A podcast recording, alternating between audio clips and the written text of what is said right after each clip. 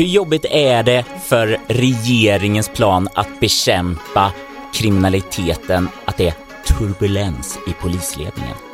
Och varför väljer Moderaterna bort Sverigedemokraterna i flera kommuner? Eh, Och vad betyder egentligen med berått mod?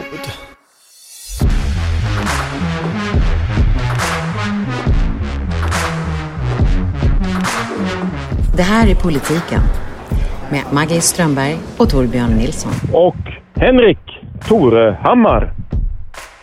Verkligheten är ju inte så snäll mot regeringen just nu. Tänker du på att det kom lite besked igår? Ja, men jag tänker på att den viktigaste myndigheten för, eh, på många sätt för regeringen, alltså polisen, har eh, turbulens. Är det turbulens vi säger? Turbulens i polisledningen är det vi liksom frontar alla artiklar med. Det är artikelseriens namn. Ja. Eh, och den turbulensen pågår ju och har pågått några dagar och verkar inte avta. Och igår såg man ju Gunnar Strömmer för första gången. Ja, justitieministern, han eh, dök upp och kommenterade detta sent på eftermiddagen för att Linda Stav, som är ju en av huvudpersonerna i, Linda Håstav i den här turbulensen, hon skulle ju börja på justitiedepartementet i, om ett, några veckor på polisavdelningen, fortfarande anställd av polisen. Jag fattar inte riktigt hur den konstruktionen funkar, men, men skulle då jobba på justitiedepartementets polisenhet. Och rättsfrågorna, kriminaliteten är ju helt centrala för den här regeringen. Det är ju vad den här regeringen räknar med att de kommer utvärderas utifrån. Alltså hur har de fått ner brottsligheten? Sitter människor längre i fängelse? Gör polisen, eh, använder de visitationszoner och anonyma vittnen? Eh, kan vi vä- vänta lite här. Det, det här har ju pågått ett tag. Ni, ni, ni pratar om Linda H. Stav. Jag vet inte vad H står för. Jag vet bara att de proffsiga människorna skriver alltid H-stav. Och jag, vi andra säger ju Linda Stav, men det känns som att det finns en annan Linda Stav som det kan bli jättekomplicerat om vi inte säger H-stav. Eh, Men eh, jag tycker vi säger Linda Stav. Jag tänker att vi inte behöver i den här podden recappa alla turerna, men i grunden så handlar ju detta om dels anklagelser mot Mats Löving som var eh, chef för Polismyndighetens nationella operativa avdelning, NOA, det vi kallade rikskrim på den tiden när jag jobbade med sådana här frågor. Ehm, han har, har inte det jobbet längre, men han har ju varit en av landets högsta polischefer. Ja. Han anklagas för trakasserier mot henne och de ska ha haft någon typ av privat relation. Man vet inte så mycket detaljer om det. Okej.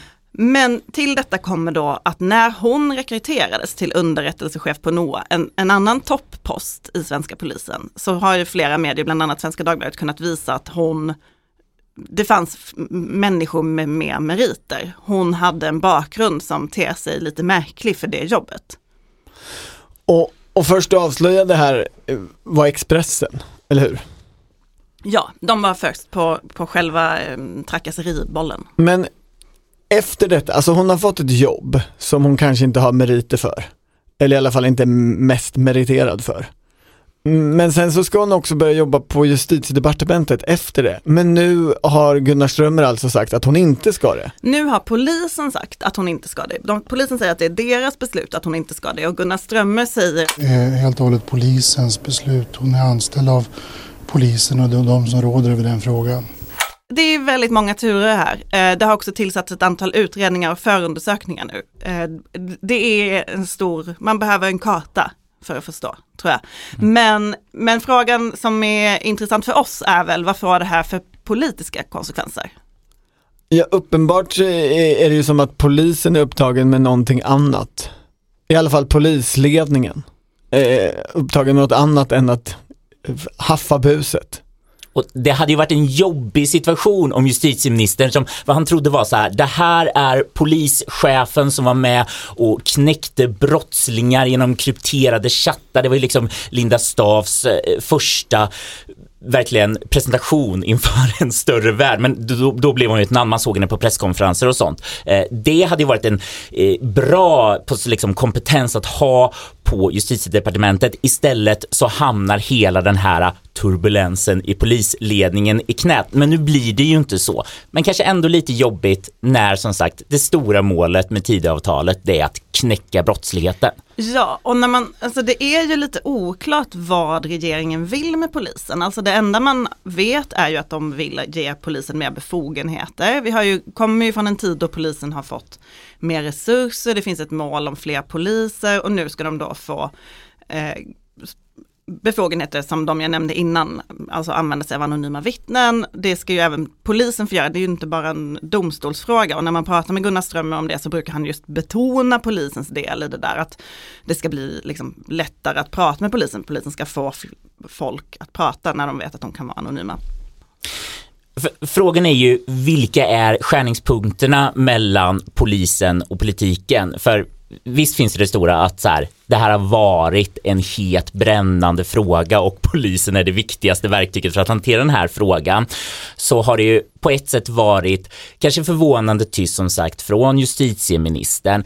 Eh, SD har ju varit ute Richard Jomshof som justitieutskottets ordförande och varit ute och sagt att det här sprider ett löjes skimmer eh, över polisledningen. Och det här kan man ju koppla till att det finns en, en längre kritik från Sverigedemokraterna mot polisledningen. Ja men SD vill ju gärna avsätta myndighetschefer. Det är ju ett, alltså de, minns ni att de ville ju avsätta Anders Tegnell under pandemin? Alltså de går ofta, de hamnar ofta där i sina att, politiska förslag. För att de är sossar, tänker de. Ja, men eh, Katja Nyberg som har varit polistalesperson i SD, hon är ju själv polis, hon har ofta uttalat sig om polisen och då lyft fram att eh, det är ett problem att det är för lite poliser i ledningen och för mycket chefer som jobbar med annat, som inte är poliser i grunden. Anders Thornberg som är rikspolischef nu är ju faktiskt polis och det var väldigt uppskattat när han kom in just att han hade en, en riktig polisbakgrund. Men nu, sen ville SD ändå avsätta honom i somras och dessutom hela polisledningen.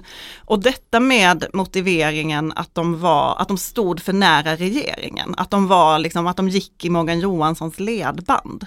Och det var alltså med grundargumentationen att de säger, polisledningen säger vi får, vi får de resurser vi behöver, vilket på något sätt gör Sverigedemokraterna så här, nej det ska ni inte säga för det passar inte i vår valargumentation. Nej, jag. de tyckte att det var, det var för politiskt, det var att visa på den här, vad är det PM Nilsson kallar det, slavmentaliteten. Men så skrev PM Nilsson, men är inte tempus här det avgörande? Eller det intressanta?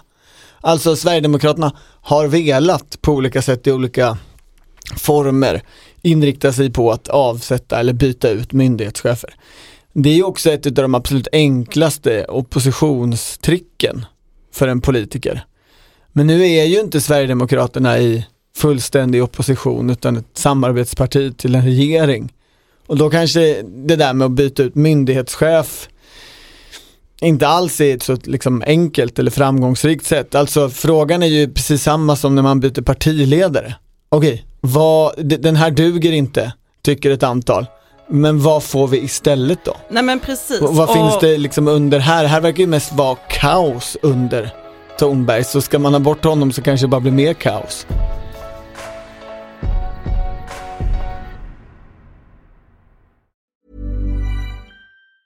Tired of ads barging into your favorite news podcasts? Good news. Ad-free listening is available on Amazon Music for all the music plus top podcasts included with your Prime membership. Stay up to date on everything newsworthy by downloading the Amazon Music app for free or go to amazon.com slash news ad free. That's amazon.com slash news ad free to catch up on the latest episodes without the ads. Det som väl väldigt många någonstans är överens om är att ett grundläggande för problem för polisen var den stora omorganisation som man gjorde 2015. Ja att då göra en ny omorganisation eller sätta in en helt ny ledning, det är kanske svårt om du som regering vill, få, liksom, vill ha synliga mål uppnådda på fyra år. Alltså om inte målet är just att byta, men de vill ju ha andra typer av resultat.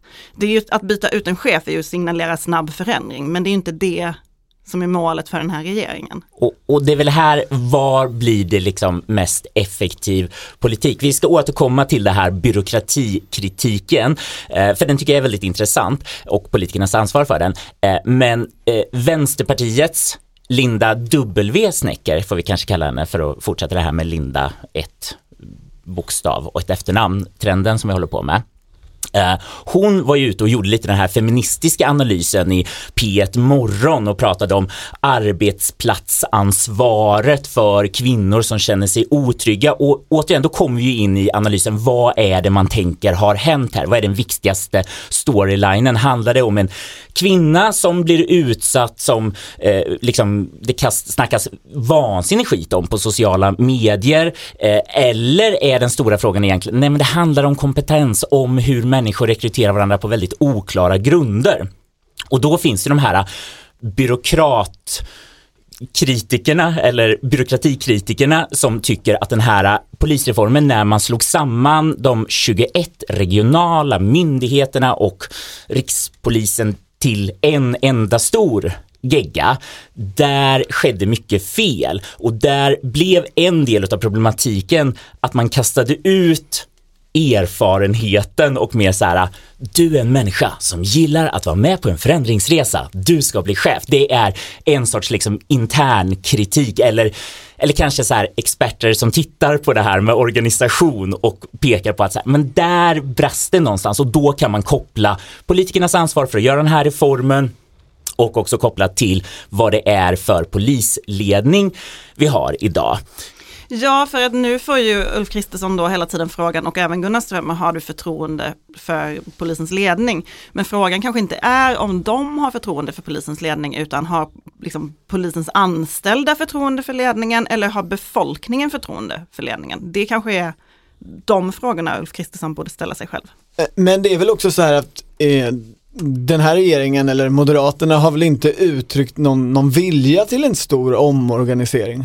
Av nej, polisen. Nej. Och det är lite spännande för att alltså ett grundläggande moderat perspektiv på all offentlig verksamhet är ju, det går att effektivisera, spara, göra bättre i, i hur man gör det. Men här Precis. har ju de liksom den sossiga approachen. Mer resurser, mer makt, så kommer allt lösa sig. Och det ska ju bli väldigt intressant att se när polisens regleringsbrev kommer. Eh, det borde ju komma rätt så snart.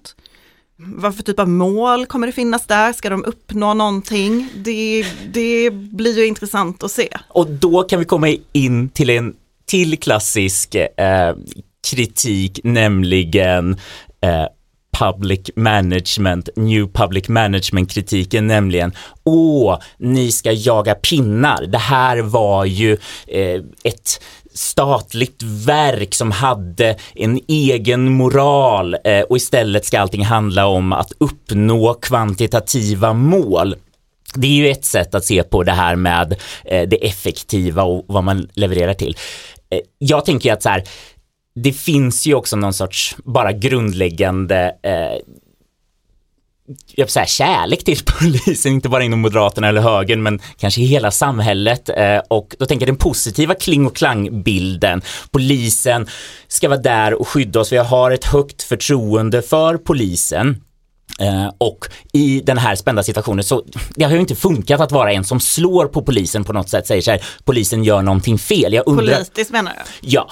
Uh, utan att det alltid varit den som ger mest. Vad polisen vill ha ska den få. Det, det är det som är liksom då är man bra på hårda tag och lag och ordning i svensk politisk kontext. Kan det här, turbulensen i polisledningen, leda till någon annan sorts debatt? Det kanske vi är alldeles för långt ifrån. Alltså jag bara ser framför mig, jag vet bara, alltså den här, när den här typen av saker drabbar en organisation och lösningen blir så här, nu ska vi byta ut ledningen och sen ska vi göra upp med kulturen.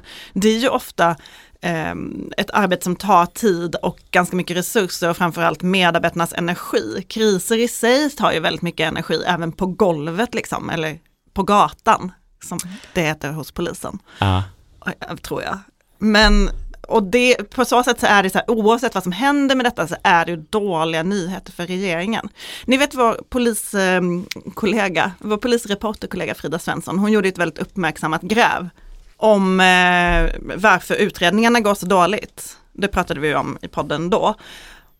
Och då eh, i en uppföljning till det jobbet så fick också Ulf Kristersson frågan om han hade förtroende för rikspolischefen. Då var ju Ulf Kristersson inte statsminister utan oppositionsledare, skulle kunna önska en avgång Ja. med lätthet. Men då sa han, det finns säkert saker i polisorganisationen som kan optimeras, men det är inte jag polis att bedöma.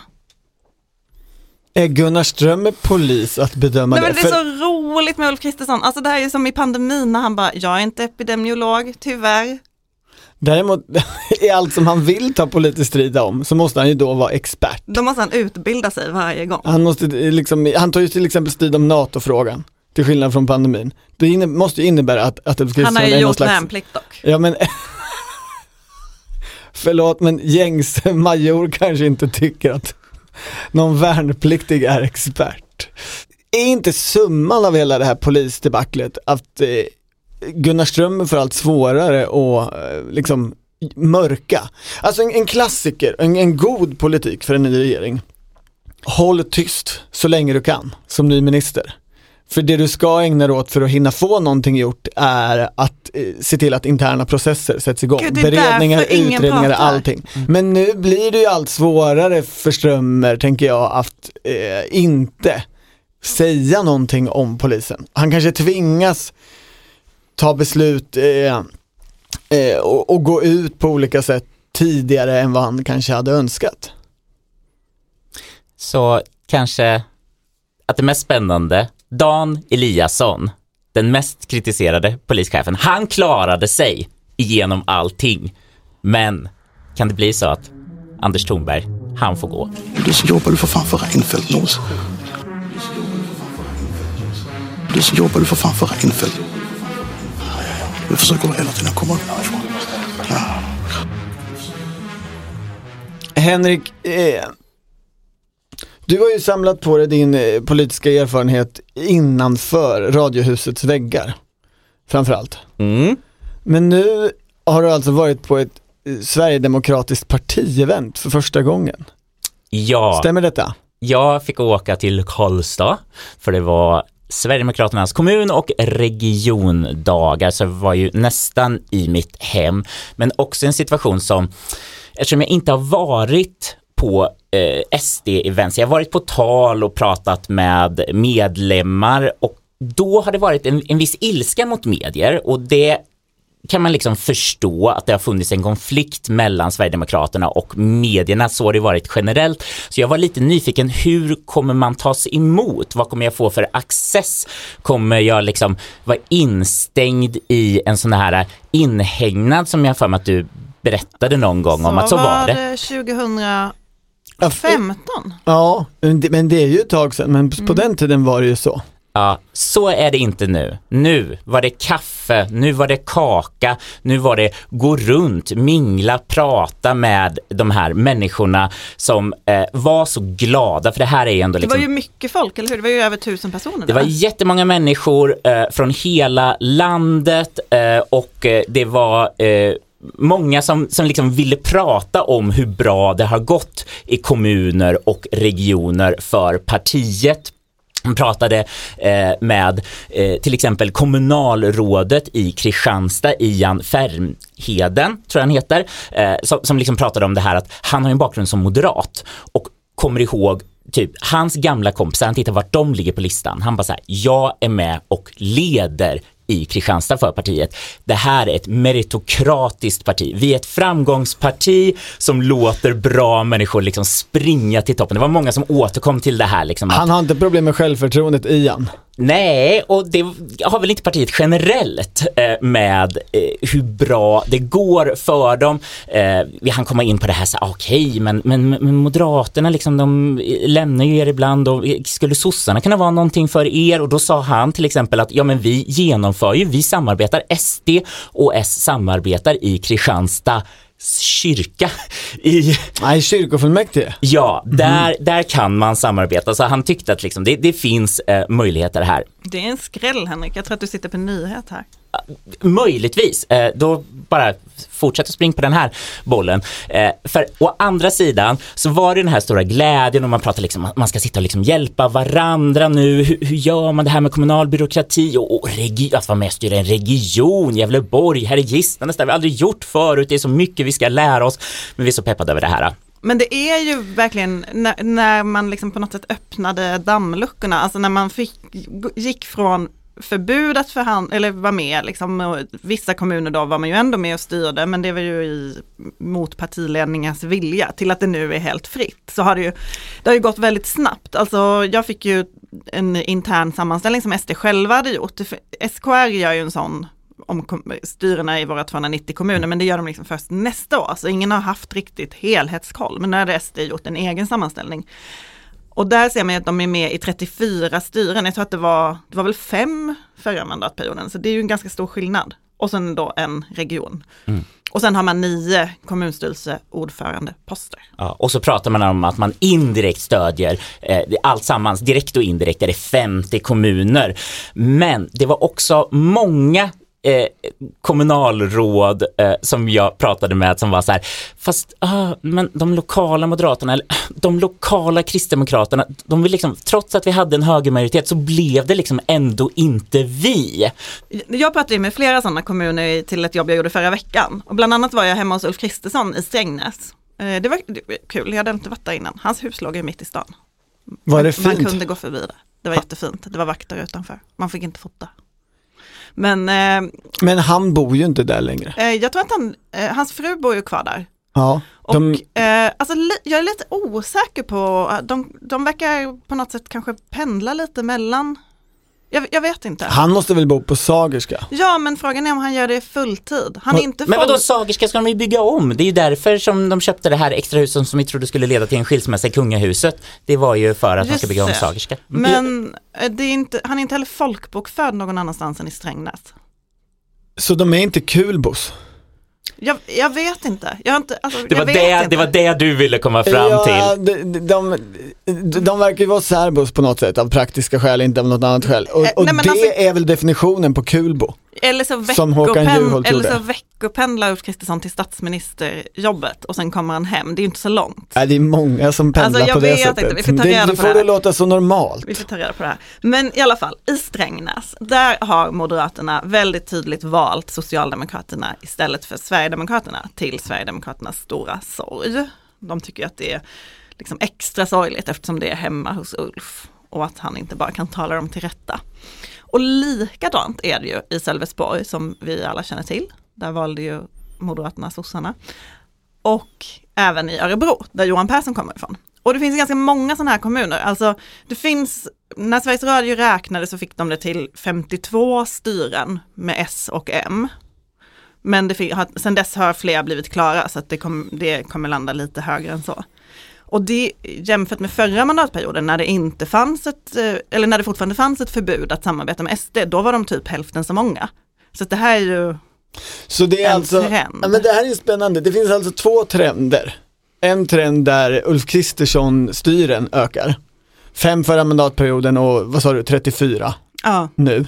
Och så finns det en annan trend. Eller nej, 34 det är ju till och med där SD är med i själva styret och sen är det 10 kommuner ungefär där de samarbetar. Okej, okay. Men det är i alla fall inte över 50. För den här andra trenden, att Annie Lööf-styrena, alltså blocköverskridande sossar och moderater är med, ökar alltså mer mm. än Ulf Kristersson-trenden. Sen ska man ju säga att man vet ju inte att i alla de kommunerna hade det kunnat bli en högre majoritet. Det är ju inte säkert. Alltså problemet på kommunnivå, eller ja, man måste ju inte tycka att det är ett problem, men en sak på kommunnivå är ju att det ofta är väldigt många små partier, alltså ja. lokala partier som, som gör det struligare. Och de jag pratade med moderater som då hade valt S-vägen, de motiverade ju detta, det fanns egentligen tre olika sätt, sätt att motivera. Eh, det absolut huvudsakliga var ju eh, stabilitet och pragmatism i en tid av jättesvåra eh, svår ekonomi för kommunen. Det är ju den, det som alla ser framför sig den här mandatperioden. Då tycker man att S och M, det är partier som är stabila och vet hur man tar obekväma beslut. Typ. Ehm, det andra är att man av, av egentligen samma skäl inte vill sitta med massa partier i styret. Alltså har du fem partier varav liksom några små intressepartier med, med, som måste få igenom sin fråga som de gick till val på. Det blir för svårt en sån här mandatperiod. Så motiverar folk också det. Det är ju liksom det där är ju kommunpolitikens samlingsregeringsargument. Alltså på riksnivå så är det, det Sverige blir indraget i krig. Eh, men på kommunnivå så är det Sverige blir indraget i jobbig lågkonjunktur med eh, nedskärningar på kommunanslag. Ja, så är det. Um, och så, men, men det fanns också en tredje förklaring mm -hmm. som man till exempel hörde i Oskarshamn. Uh, som också har valt ett, där har det varit sossestyre i 92 år. På tal om Håkan Juholt. Och han, är han från Oskarshamn? jag tänkte han är väl från Kalmar men uh, det är ett län. Ja, det är och ett län. ligger Oskarshamn. Alltså Kalmar är också en stad, jo, men ja. Oskarshamn är Eh, Juholtmarkerna. Tack, tack för infon. Det, jag har dålig koll på norra Sverige.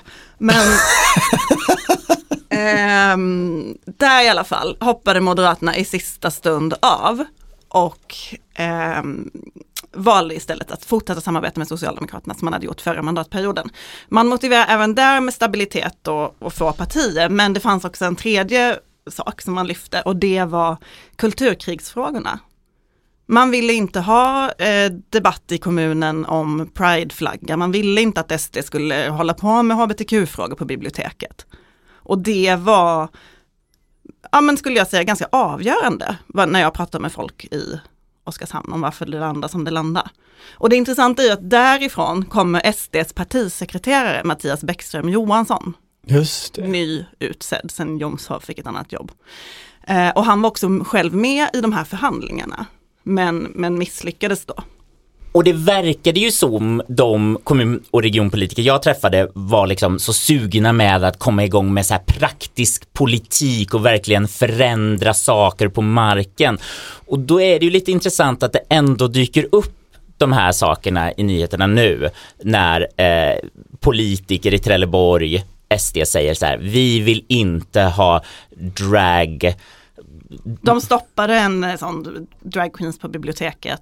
föreläsning precis. Ja. Och sen så har vi det här i Bollnäs där ett Lucia-tåg inte fick komma med skälet att det var en hen som var Lucia. Fast det här såg ni det när eh, den ansvariga politikern fick frågan, SD-mannen så här, okej eh, vad menar du? Ja, men jag, fick- nej men jag fick eh, intrycket att det inte skulle vara ett traditionellt Lucia-tåg. Och bara, Ja, vad menar du med traditionellt? Nej men alltså känslan var att det inte skulle bli traditionellt. Vad är det du menar med traditionellt? Var det att det inte skulle vara en kvinna som Lucia?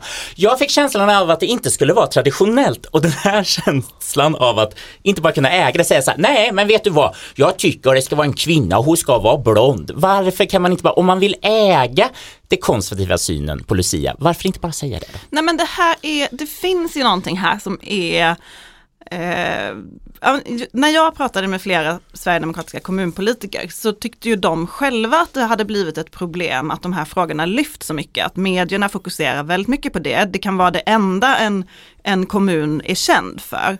Att det blir liksom Eh, riksintresse blir- av om en kommun vägrar att hissa prideflaggan vissa Precis. dagar på året och så. Precis. Mm. Ehm, för det, det är känsliga frågor i samtiden och det väcker mycket engagemang. Och det är också det som det finns en oro för när Sverigedemokraterna får mer makt, att den här typen av frågor ska förändras. Så det är inte så, så konstigt. Ehm, men då i flera kommuner så tycker man att det här är ett problem och dessutom då så visar det sig att det är ett skäl till att moderater till exempel inte vill samarbeta med SD och därför så undviker man det. Eh, i, I partiets mest, en av de mest framgångsrika kommunerna, Svalöv, så sa kommunalrådet Teddy Nilsson till mig att nej men vi ska inte hålla på med den där typen av frågor, vi ska ägna oss åt ekonomin och vad de anställda får i lön. Det är det jag jobbar för. Eh, och sen sa han, Teddy Nilsson fixar inte det som inte är sönder. Så på sikt menar du att eh, underifrån kommun-SD så växer det liksom fram en motreaktion mot eh, kriget mot julen-debatten som kommer leda till på sikt att vi inte har någon debatt om Lucia-tågen. Nej, jag tror inte det egentligen för att det här verkar ju dyka upp i så många kommuner och de inspireras av varandra och de tycker ofta att det här är viktigt och deras väljare tycker också att det är viktigt. Men det finns en tydlig, det finns liksom två tydliga spår. Och när jag pratade med Mattias Bäckström Johansson om det här, då han försvarade den här debatten väldigt mycket och sa att han tycker att det här är viktiga frågor. Eh, det, det, är viktigt för många människor med symboler och vad är inkluderande, vad är exkluderande och det är en debatt som behöver få finnas tyckte han. Eh, men han sa så han var ju mer positivt inställd till den än flera kommunpolitiker jag pratade med. Men, och när jag sa det, då sa han att ja men de som sitter i majoritet kanske inte liksom, har tid att hålla på med det där. Men däremot så kommer det kanske höras mer från oppositionspolitikerna som kan lägga sitt engagemang mer på den typen av frågor. Samtidigt i Louise Erikssons Sölvesborg blev ju det jättestora frågor. Det har pratat väldigt lite sakpolitik egentligen. Väldigt lite sakpolitik egentligen.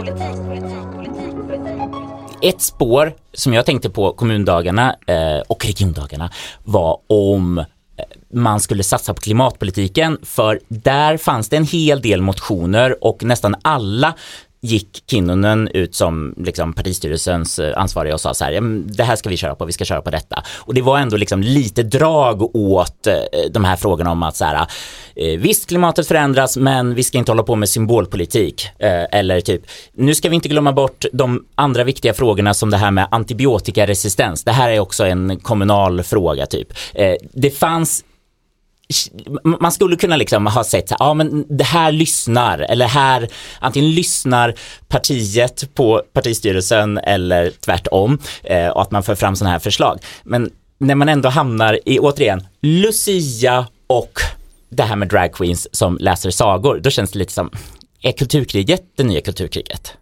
Istället för klimatet som vi ja. har pratat om.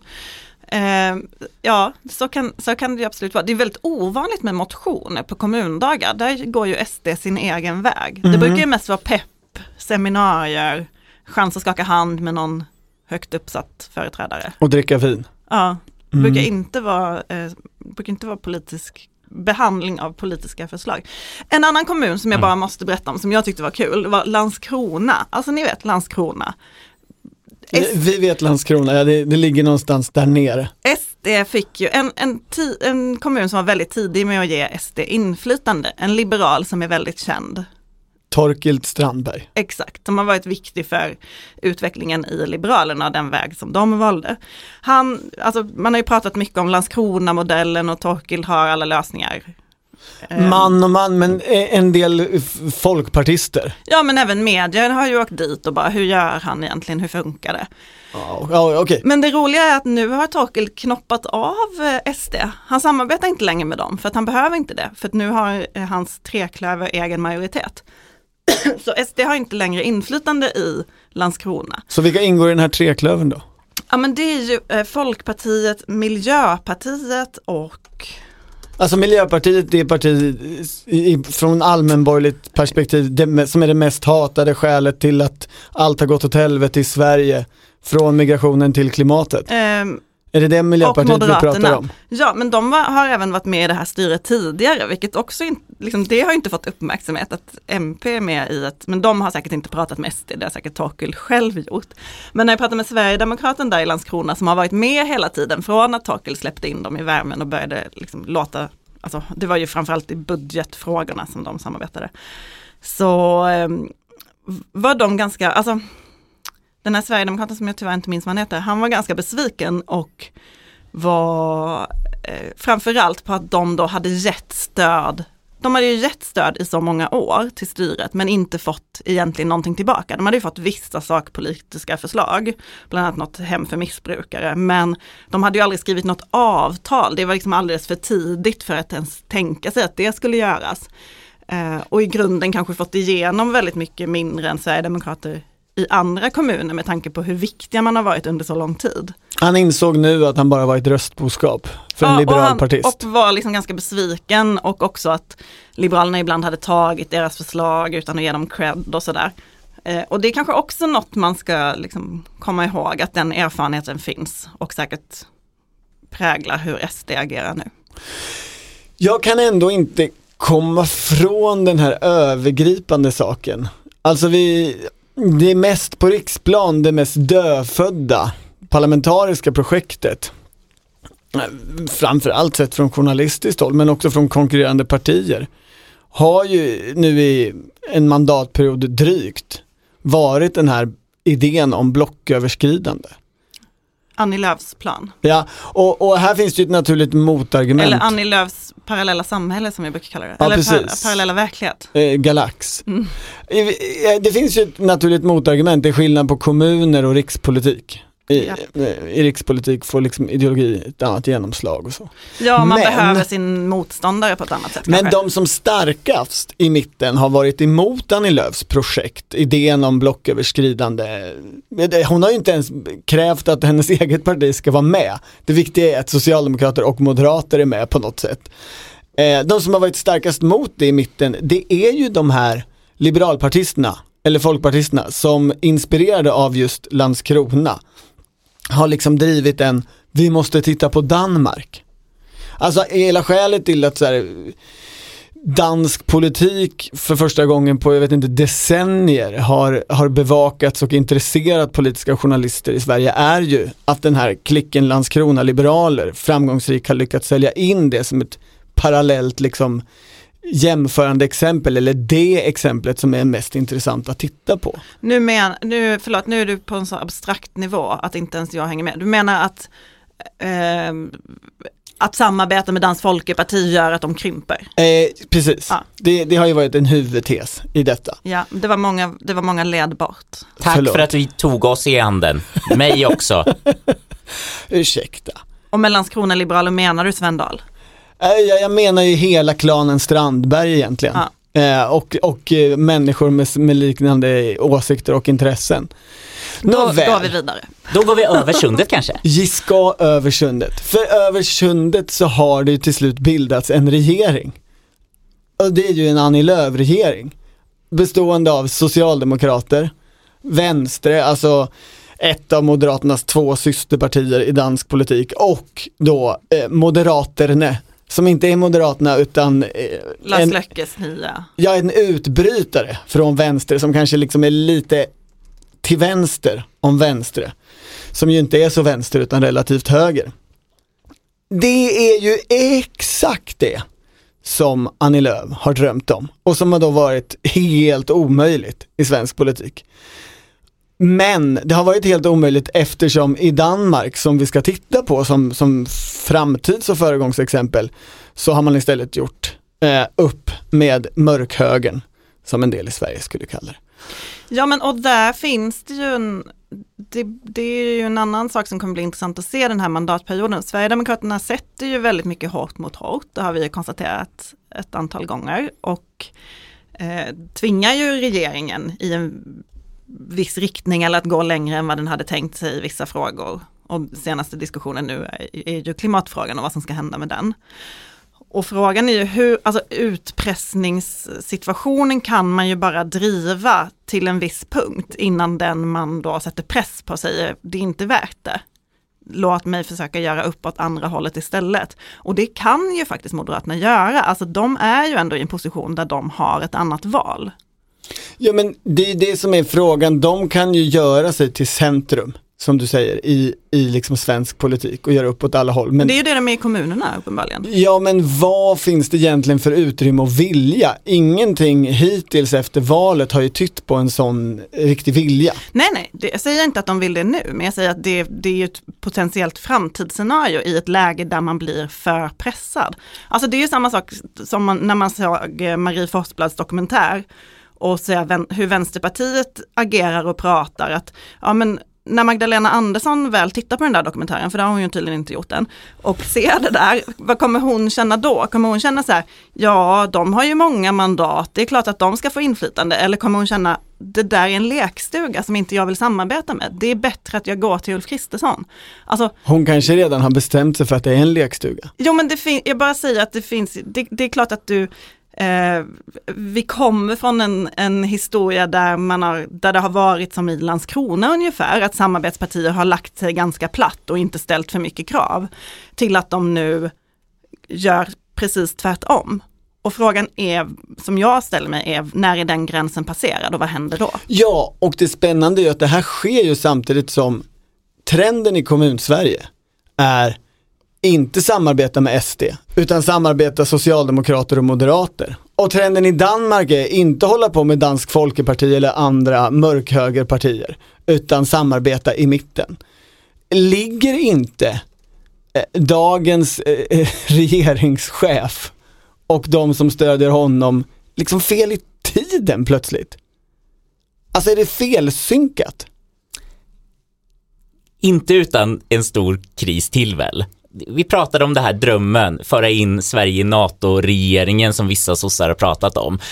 Om det blir något mer krisigt på det säkerhetspolitiska området, om den ekonomiska krisen ballar ur ännu mer, då kanske Moderaterna kan inför sina väljare säga, nej men nu har vi testat alla saker. Vi har testat att göra upp med Miljöpartiet för att utesluta Sverigedemokraterna. Vi har eh, testat att eh, samarbeta med Sverigedemokraterna nu. Eh, nu är vi kanske ändå redo att gå till det här med att då- göra något med sossar. Då går Ulf till Magda och säger så här, om jag får vara statsminister, om jag får sänka a-kassan och om jag får införa en bortre parentes i sjukförsäkringen, då kan vi regera ihop. Då kan du få bli finansminister. Ja, men lägg av nu. Alltså så här. Du och jag snackar ju med varandra. Ja, men lägg av nu. Snackar ju med varandra. Hi, I'm Kara Berry, host of Everyone's Business But Mine, and I am an all inclusive addict. Enter Club Med, the best all inclusive for you and your family. With resorts worldwide, from their family flagship resort, Club Med Punta Cana, to their only mountain resort in Canada, Club Med Quebec, they have everything you need to relax. With their 20 plus sports activities, wellness programs, you can dine on delicious cuisine and make memories with your family. So book your next getaway with Club Med. Visit clubmed.us or call 1 800 Club Med or your travel advisor.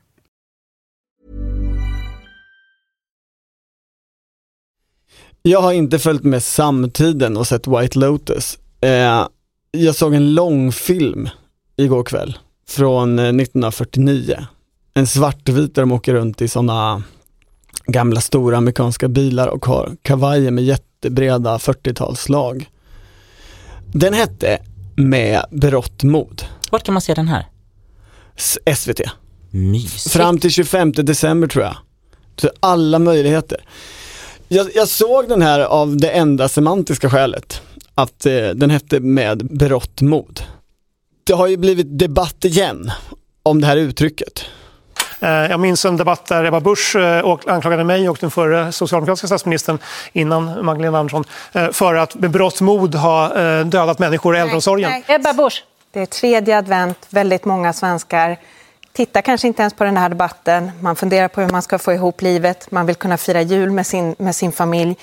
Låt oss inte citera varandra så ovärdigt i tider av ökad populism och polarisering. Jag vad har aldrig... Ja, men då kan vi gå tillbaka och titta ordagrant på vad jag sa. är ett resultat av att Sveriges regering med berått mod tillåtit en stor smittspridning i Sverige. När jag jobbade på Expressen, då brukade jag gå på partiledardebatterna och intervjua partiledarna inför och efter. Och det enda man visste på söndag eftermiddag när man gjorde sig i ordning, det var ju att Ebba Busch skulle hamna i rubriken. Vad den liksom skulle handla om, så visste man att det var Ebba Busch som skulle vara på löpet. Ja, Av det- just den här anledningen, alltså att hon använde uttryck som, att hon sa den här berått mod-grejen.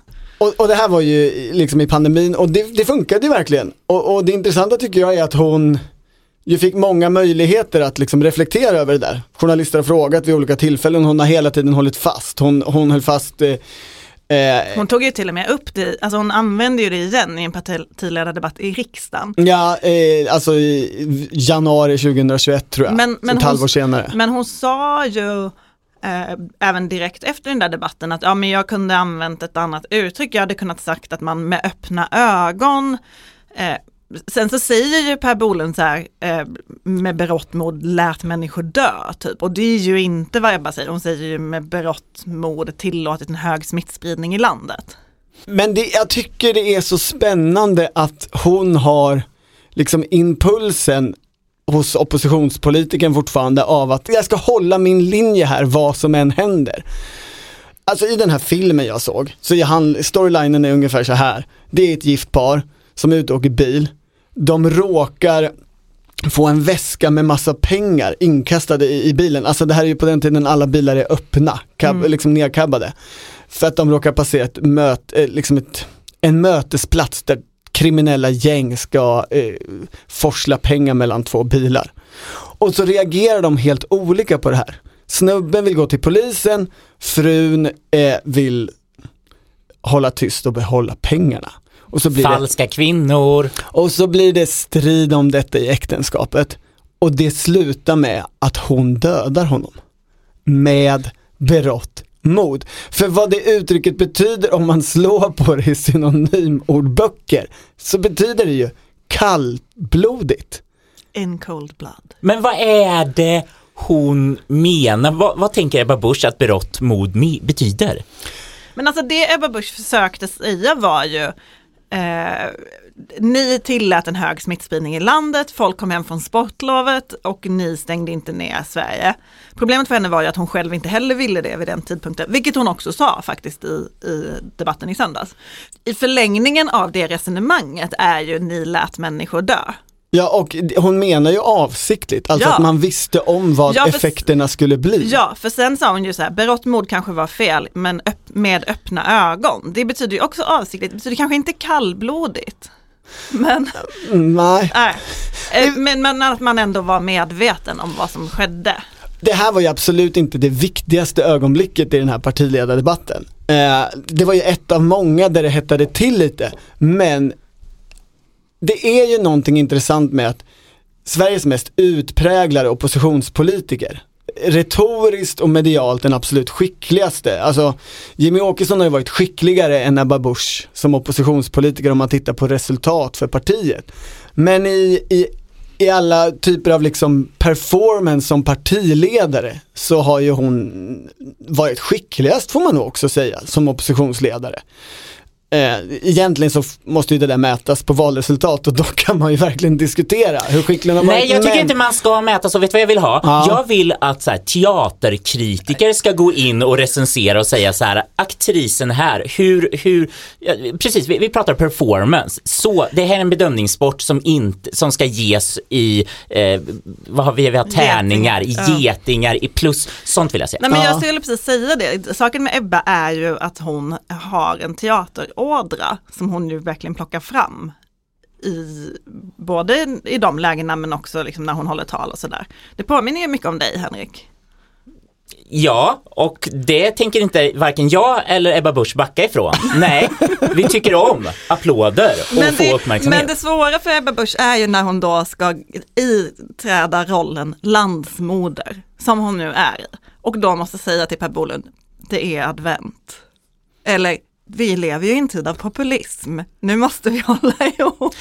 Varför? Och just att Alltså- de säger tredje advent, tänker hon, är det någon speciell kristen historia som jag som en, en lapsed missionsförbundare har missat att just då är det väldigt olämpligt att fall, komma med falskt vittnesbörd om vad någon har sagt i en Hon har partiledardebatt? ju väldigt noga önskat advent, glad advent varje söndag nu. Alltså är det viktigt. hon vill åt är väl mest att eh, nu är vi så nära julefriden. Det blir Men inga julklappar åt dig, Per kanske, Bolund. då kanske hon inte skulle ställa upp på en partiledardebatt överhuvudtaget. Det är ju inte bara där, det är ju också i den riktiga politiken som hon nu eh, eh, har en funktion och försöker ta en funktion av landsmoder eller liksom ansvarig eh, vuxen i rummet. Jag, jag tänker på energipolitiken. Och, här har ju regeringen kommit nu med ett antal liksom, pandemiliknande utspel och situationer där man med hjälp av de ansvarsfulla medborgarnas samlade kraft ska spara och snåla med elektriciteten så att vi som nation gemensamt tar oss igenom krisen. Det, det, det var ju riktig pandemipresskonferens. Och frågan är ju då hur enkelt det är för, för en bitsk välformulerad oppositionspolitiker som inte behöver bry sig om konsekvenser alla gånger att liksom transformeras och ha trovärdighet. Det är ju den trovärdigheten som krävs för att hela deras energipolitik någonstans ska hålla ihop och fungera. Alltså, i grunden så har de ju gått i val på en stor omläggning av energipolitiken, vi ska ha kärnkraft. Men den här kärnkraften eh, snyter de ju inte ur sig särskilt fort eller den låter inte snyta ur sig. Så vad ska de göra under tiden? Hur, är, är det det här att vi alla ska spara under tiden? Då kommer ju problemet med eh, Bush backar aldrig, att hon ska fortsätta att försvara dammsugningshånet när hon stod där ute i en snöig skog och jag förstår att hon menar inte att man skulle kunna dammsuga upp snö i skogen. Men det var bara en symbol att så här, säg inte till oss att inte dammsuga socialdemokrater, bygg ut kärnkraft istället. Och då, liksom, hon kan inte backa någonstans. Eh, även om man kan tänka så här att nej men, ni, ni hånade ju de här idéerna av att så här, vi kanske måste tänka på vår konsumtion och nu ska de omfamna det här när de pratar om, det här är solidaritet, tänk på de svaga, sjuka, sköra i samhället. Vet du vad, det handlar inte om du kan betala din elräkning utan nu gör vi det här tillsammans som en nation. Let's go gänget! Ulf och Christ- aldrig be om ursäkt om det. Alltså jag bara tänker på det här Ulf Krist, som jag sa tidigare i podden om, på polisavsnittet, om, om hur Ulf Kristersson uttryckte sig om Anders Thornberg, när, alltså när han inte ville avsätta honom eftersom han själv inte var polis, eller inte ville organisera om, om polisen. Han har ju som oppositionspolitiker ganska mycket valt den approachen, alltså en, en, en helt annan stil än vad Ebba har gjort. Han ville bli statsminister, ja. Även om han nu får kritik för att inte kunna infria löften så har han ju ändå haft en, en annan varit en annan typ. Men det tycks ju inte hjälpa honom heller i det här läget. Alltså om man såg till hur han var i partiledardebatten. Han fick ju i, i eh, Aftonbladets mätning så fick han ju för första gången på jag vet inte hur länge, hamnade han ju inte på första plats. Han Nej. brukar ju, liksom debatterna är ju hans styrka. Nu var han ju passiv och obekväm. Han hade ju, har ju inte heller lyckats träda in i landsfadersrollen. Eh, både liksom lite för konfrontativ eller lite för liksom tillbakadragen, inte så mycket pondus. Nej det är sant men just i energipolitiken där det ju är, alltså om man tar på sakpolitiskt så är det ju sådana 360 svängar för den här regeringen att göra. Precis som Henrik var inne på så har ju Ebba att hantera att vi sa innan valet att alltså hålla på och kräva av folk att de liksom ska tänka på sin konsumtion, det är ju liksom barbari. Vi lever ju i ett modernt samhälle, så kan vi inte ha det. Citera inte sådär på tredje advent. Förlåt, men Snart jul. i vilket fall så ska man inte behöva, man ska få dammsuga när man vill tyckte Ebba innan valet. Är alla med på det i alla fall? Ja, så det är ju liksom, det är ju 360 grader. Det är precis samma sak med liksom e- ersättningarna. Alltså, vi ska ha ett högkostnadsskydd sa man och, och mot det så ställdes sossarna, det ställdes mot sossarnas modell. Väljarna valde också högerns modell, men fick eh, en modifierad variant av Socialdemokraternas modell. Det är ju så enorma lappkast på hennes område som man sen ska liksom förvalta. Och det är ju heller inte som att utvecklingen där står still.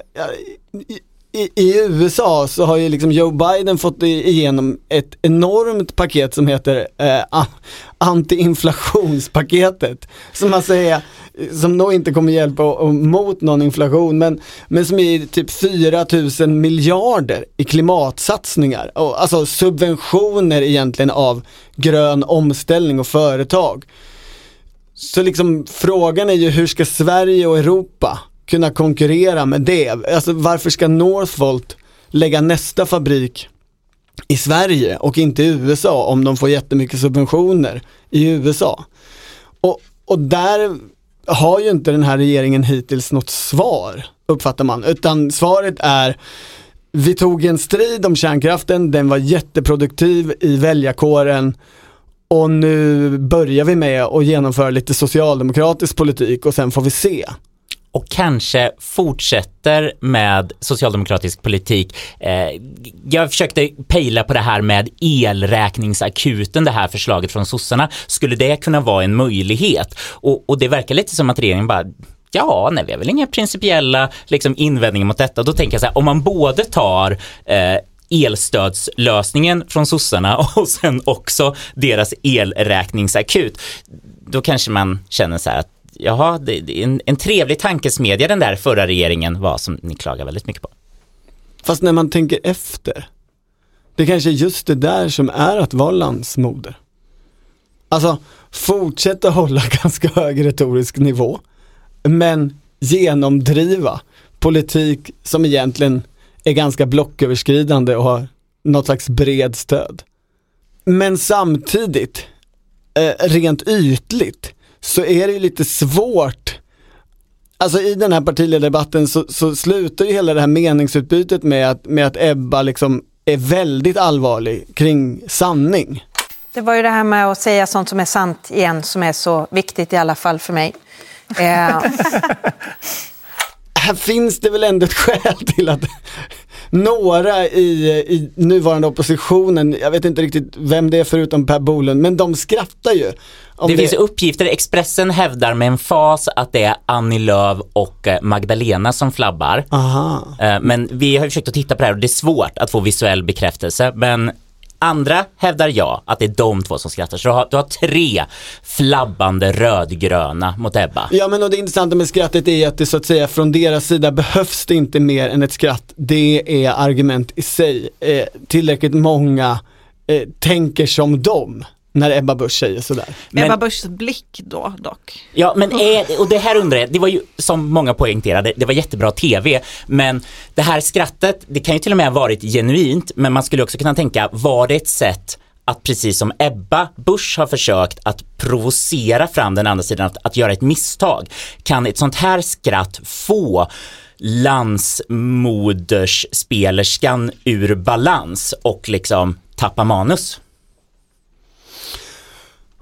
Alltså jag tänker så här, den här filmen jag såg, den, den, har ju, det var ju en amerikansk film och som alltid så har den en, en amerikansk titel från början.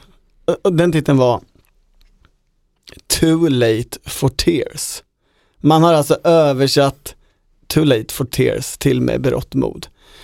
Och inte sens moralen för politiker som vill gå från opposition till regeringen, att det är liksom för sent att ångra sig och lite för sent för tårar. Det, man kommer få äta upp det där eländet man sa i opposition.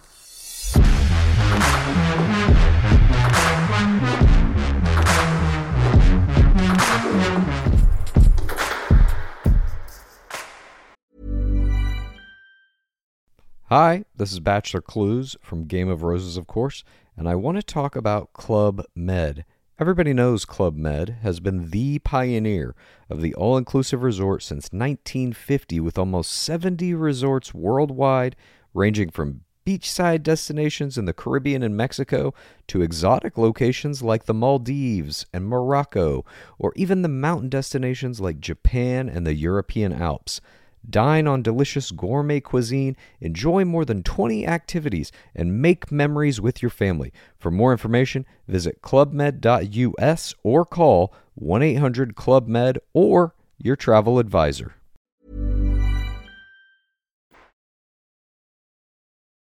Du har lyssnat på Politiken, en podd från Svenska Dagbladet. Producent Mattias Dellert och ansvarig utgivare Anna Karleborg. Och klippen i programmet kom från Sveriges Television.